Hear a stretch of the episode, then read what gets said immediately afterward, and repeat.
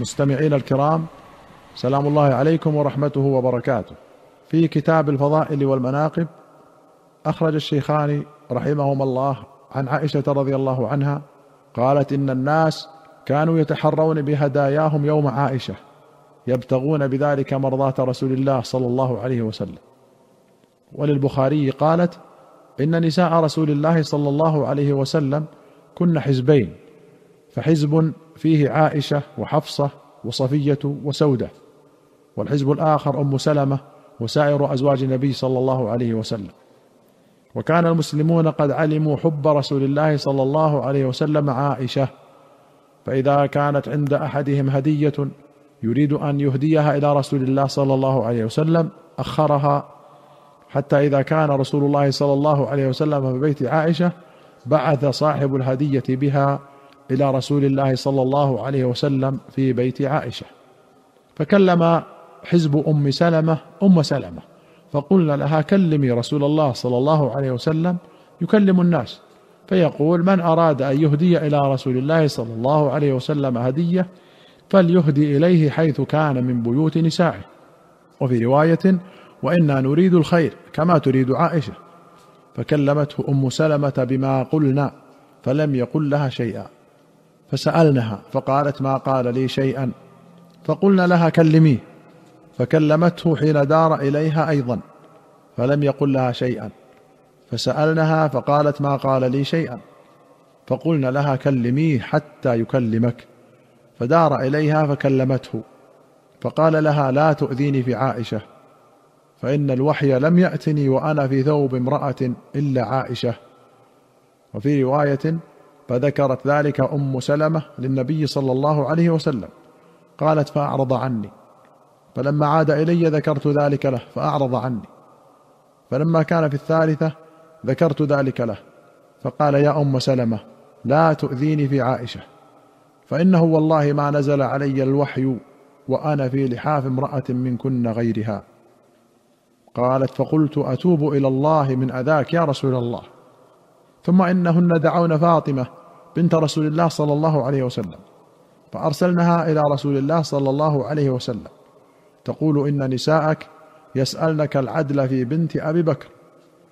فكلمته فقال يا بنيه ألا تحبين ما أحب؟ فقالت بلى. فرجعت إليهن فأخبرتهن فقلنا ارجعي إليه فأبت أن ترجع. فارسلنا زينب بنت جحش فأتته فأغلظت. وقالت إن نساءك ينشدنك الله العدل في بنت ابن أبي قحافة فرفعت صوتها ثلاثا حتى تناولت عائشة وهي قاعدة فسبتها حتى إن رسول الله صلى الله عليه وسلم لينظر إلى عائشة هل تكلم فتكلمت عائشة ترد على زينب حتى أسكتتها.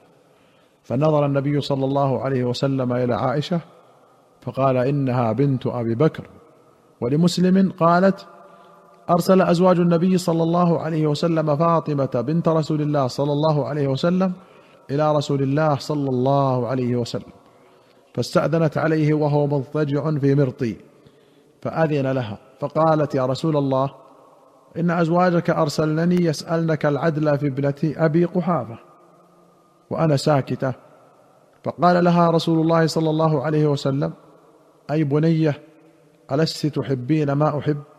فقالت بلى. قال فأحبي هذه. فقامت فاطمة حين سمعت ذلك من رسول الله صلى الله عليه وسلم. فرجعت إلى أزواج النبي صلى الله عليه وسلم فأخبرتهن بالذي قالت والذي قال لها رسول الله صلى الله عليه وسلم. فقلنا لها ما نراك أغنيت عنا من شيء. فارجعي إلى رسول الله صلى الله عليه وسلم فقولي له إن أزواجك ينشدنك العدل في ابنة أبي قحافة. فقالت فاطمة لا والله لا أكلمه فيها أبدا. قالت عائشة فأرسل أزواج النبي صلى الله عليه وسلم زينب بنت جحش زوج النبي صلى الله عليه وسلم وهي التي كانت تساميني منهن في المنزلة عند رسول الله صلى الله عليه وسلم. ولم أر قط خيرا في الدين من زينب وأتقى لله وأصدق حديثا وأوصل للرحم وأعظم صدقة وأشد ابتذالا لنفسها في العمل الذي تصدق به وتقرب به إلى الله عز وجل. ما عدا سورة من حدة كانت فيها تسرع منها الفيئة. قالت فاستأذنت على رسول الله صلى الله عليه وسلم ورسول الله صلى الله عليه وسلم مع عائشة في مرطها على الحال التي دخلت فاطمة عليها وهو بها. فأذن لها رسول الله صلى الله عليه وسلم فقالت يا رسول الله إن أزواجك أرسلني يسألنك العدل في ابنة أبي قحافة ثم وقعت بي فاستطالت علي وأنا أرقب رسول الله صلى الله عليه وسلم وأرقب طرفه هل يأذن لي فيها؟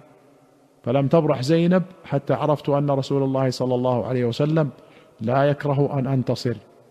فلما وقعت بها لم أنشبها حتى أنحيت عليها وفي رواية لم أنشبها أن أثخنتها غلبة. فقال رسول الله صلى الله عليه وسلم وتبسم إنها ابنة أبي بكر. قولها يسألنك العدل معناه يسألنك التسوية بينهن في محبة القلب. لا العدل في الأفعال فإنه كان حاصلا قطعا. وقولها سورة من غضب السورة والثورة بمعنى واحد. وقولها لم أنشبها أي لم أمهلها. وقولها أنحيت عليها أي قصدتها.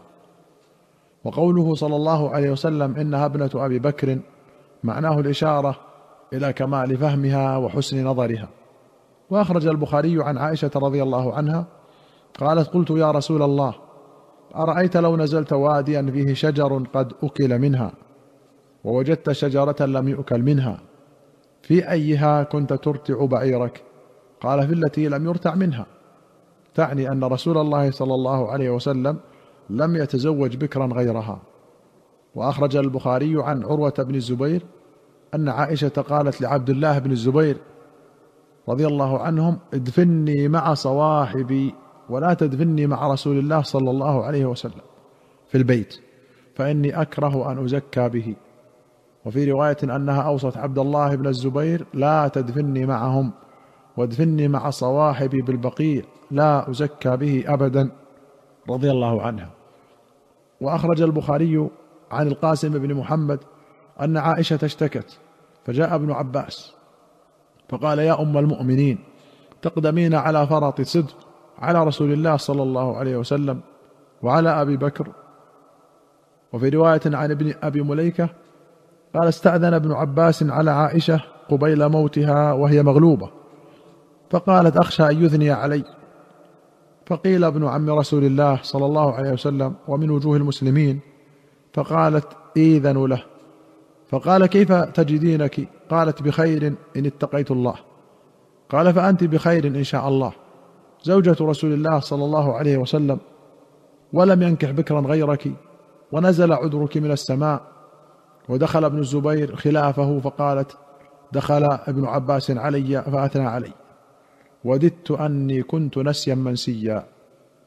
أيها المستمعون الكرام إلى هنا نأتي إلى نهاية هذه الحلقة. حتى نلقاكم في حلقة قادمة إن شاء الله. نستودعكم الله. والسلام عليكم ورحمة الله وبركاته.